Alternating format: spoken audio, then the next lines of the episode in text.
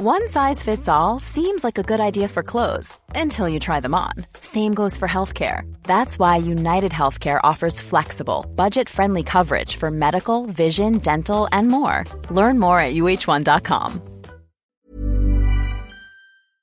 Hans Petter og Co. presenteres av Adlink, sannsynligvis Norges beste samling av kreative og positive influensere innen sosiale medier og podkast.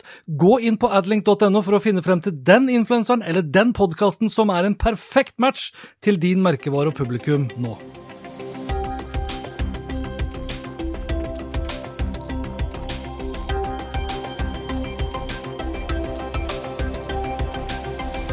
I denne episoden her så skal det annet handle om Skipsstedavisene Aftenposten og E24, som nå har gått sammen om et felles abonnement. Tinteguri.com har dukket opp igjen, og da som en britisk nettavis. YouTube er 15 år, Google har deg selge produkter gratis, og nok en avis stenger kommentarfeltet. Velkommen til Hans Petter og co. Jeg heter Hans Petter, og denne episoden ble spilt inn onsdag 29. april. Lenker til alt jeg snakket om, og øvrige innslag finner du, som alltid, på hanspetter.info. I fjor høst varslet E24 og Skipsted, og Skipsted eier som kjent E24, en felles storsatsing. 30 nye årsverk skulle føre til at E24 skulle innta nummer én-posisjonen innen næringslivsjournalistikk, altså ta over plassen til Dagens Næringsliv. Hvis vi fast-forwarder til i dag, så har jeg altså ikke oversikt over hvor mange ansettelser Skipsted har gjennomført, opp imot de uttalte 30. Men det er ikke det viktigste, iallfall ikke i denne saken, for frem til nå så har Skipsted holdt sine respektive aviser hver for seg. Abonnerer du på Aftenposten, så får du kun Aftenposten, ingen tilbud eller reduserte priser hvis du kjøper deg et uh, Skipsted-abonnement til. Men etter et par prøveuker, som Aftenposten beskriver det selv som, så har det da endelig dukket opp en såkalt bundle. Som Aftenposten-abonnent så kan jeg nå betale 30 kroner ekstra i måneden, og da får jeg tilgang til alt E24 har publisert og lagt bak sin betalingsmurtjeneste E24 Og det kan jeg virkelig like. Jeg håper ikke det her blir det siste bundlingtilbudet vi ser fra Skipsted eller fra andre mediehus.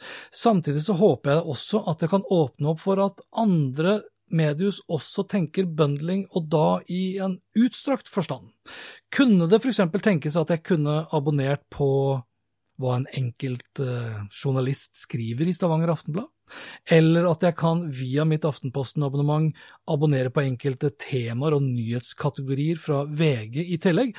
Og enda bedre, at hele mitt Skipsted-abonnement kunne blitt levert til meg som en skreddersydd digitalavis.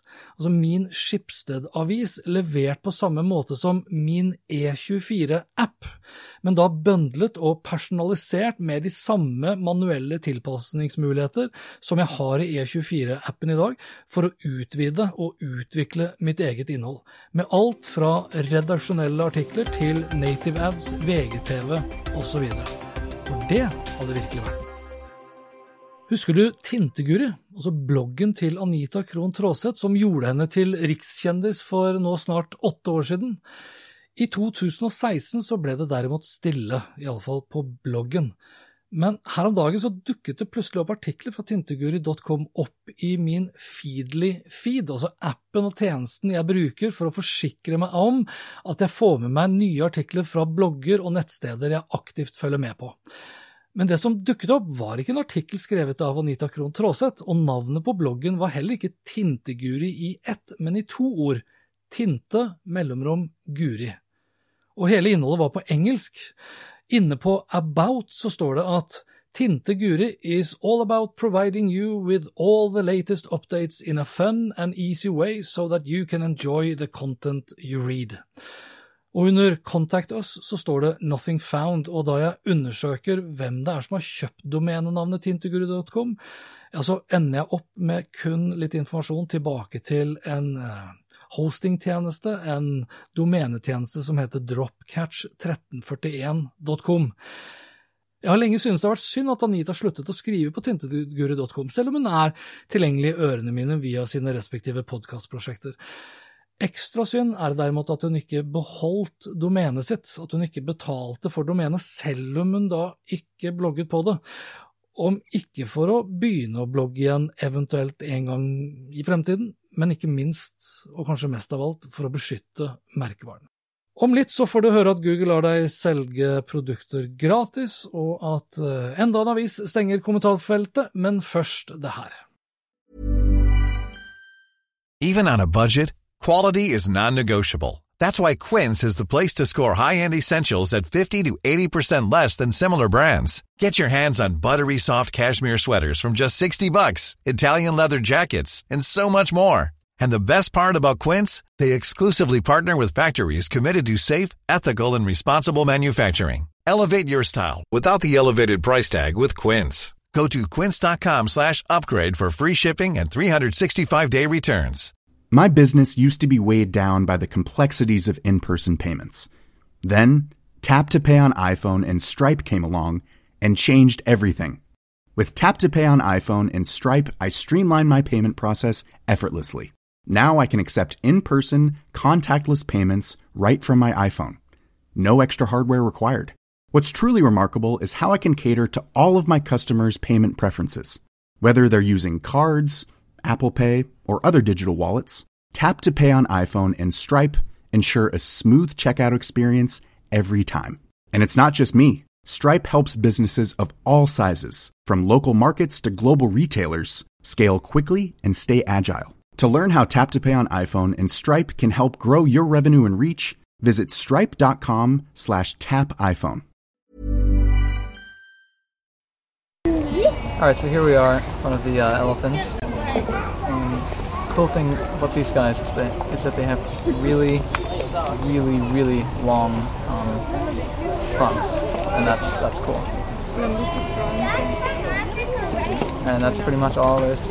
YouTube fylte nylig 15 år, og det du hørte her var fra den aller første YouTube-videoen som ble lagt ut. Et lite klipp fra medgründer Javed Karim på besøk i dyreparken i San Diego i California, hvor han da står foran noen elefanter og forklarer etter beste evne til kamera hva det er han ser. Anyways, 15 år senere så er YouTube nå verdens nest mest besøkte nettside. Om lag en tredjedel av verdens internettbrukere er innom YouTube hver måned.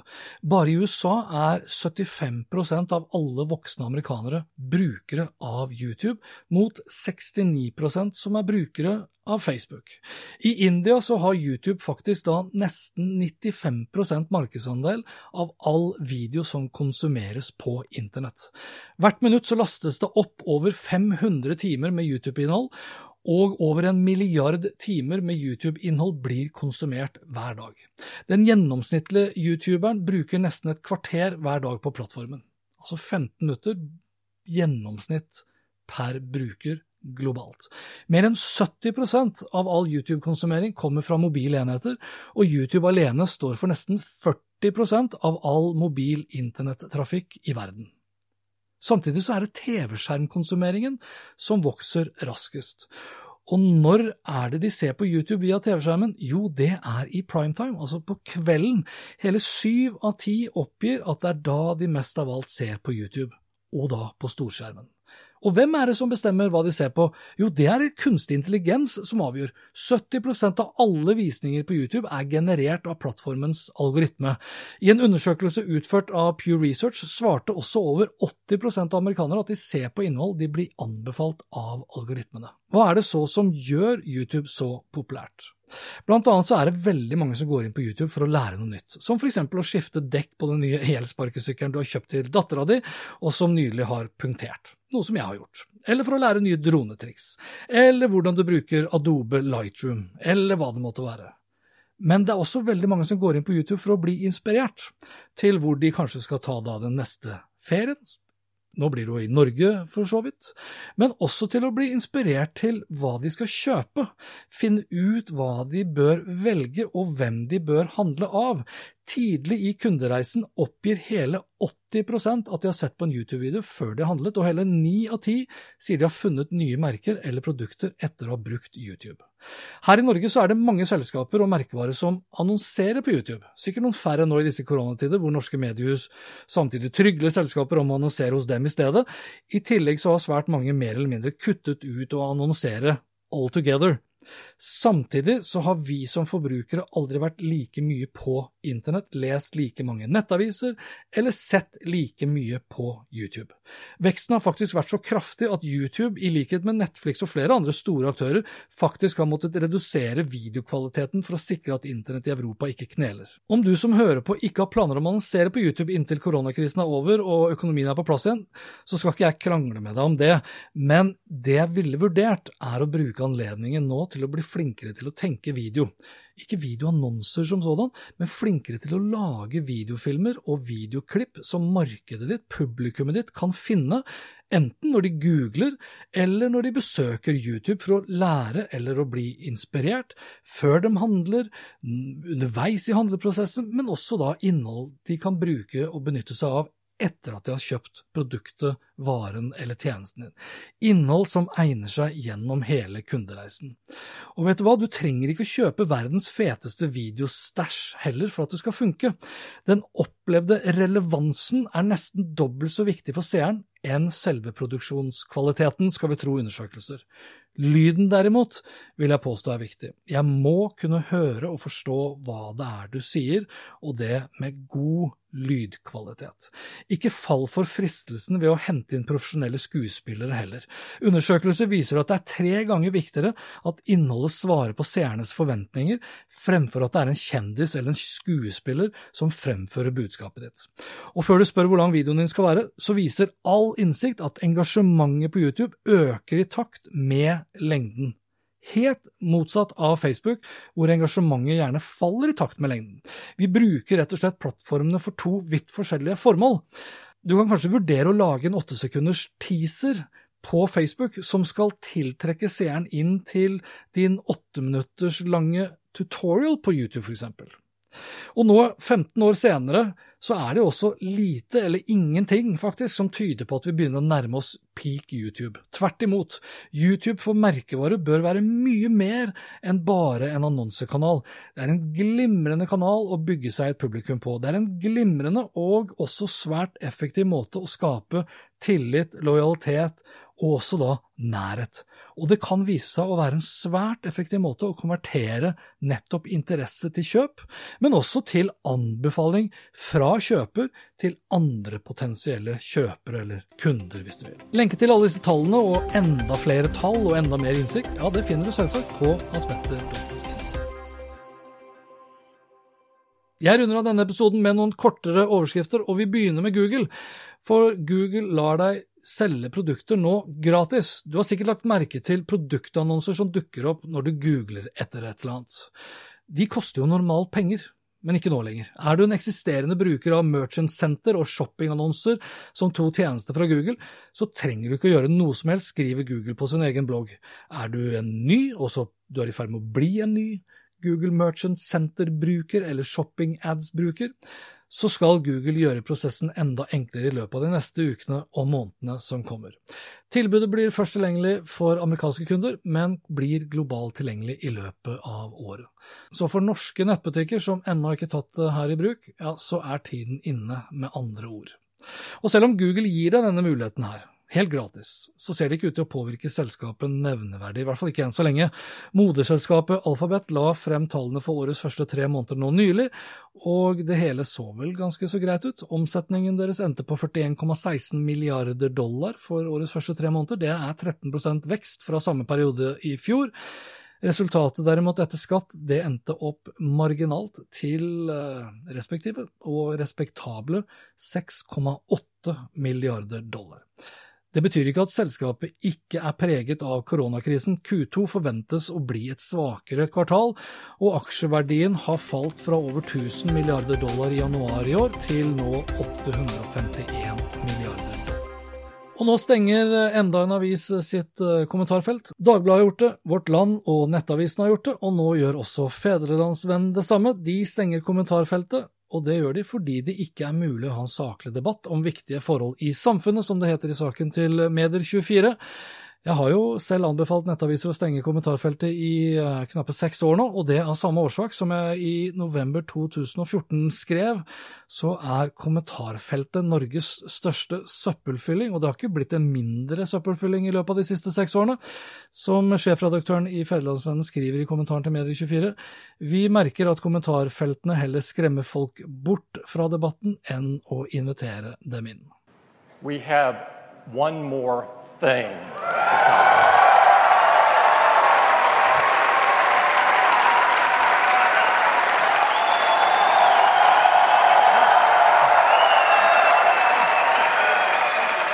Apple Watch fyller fem år i disse dager.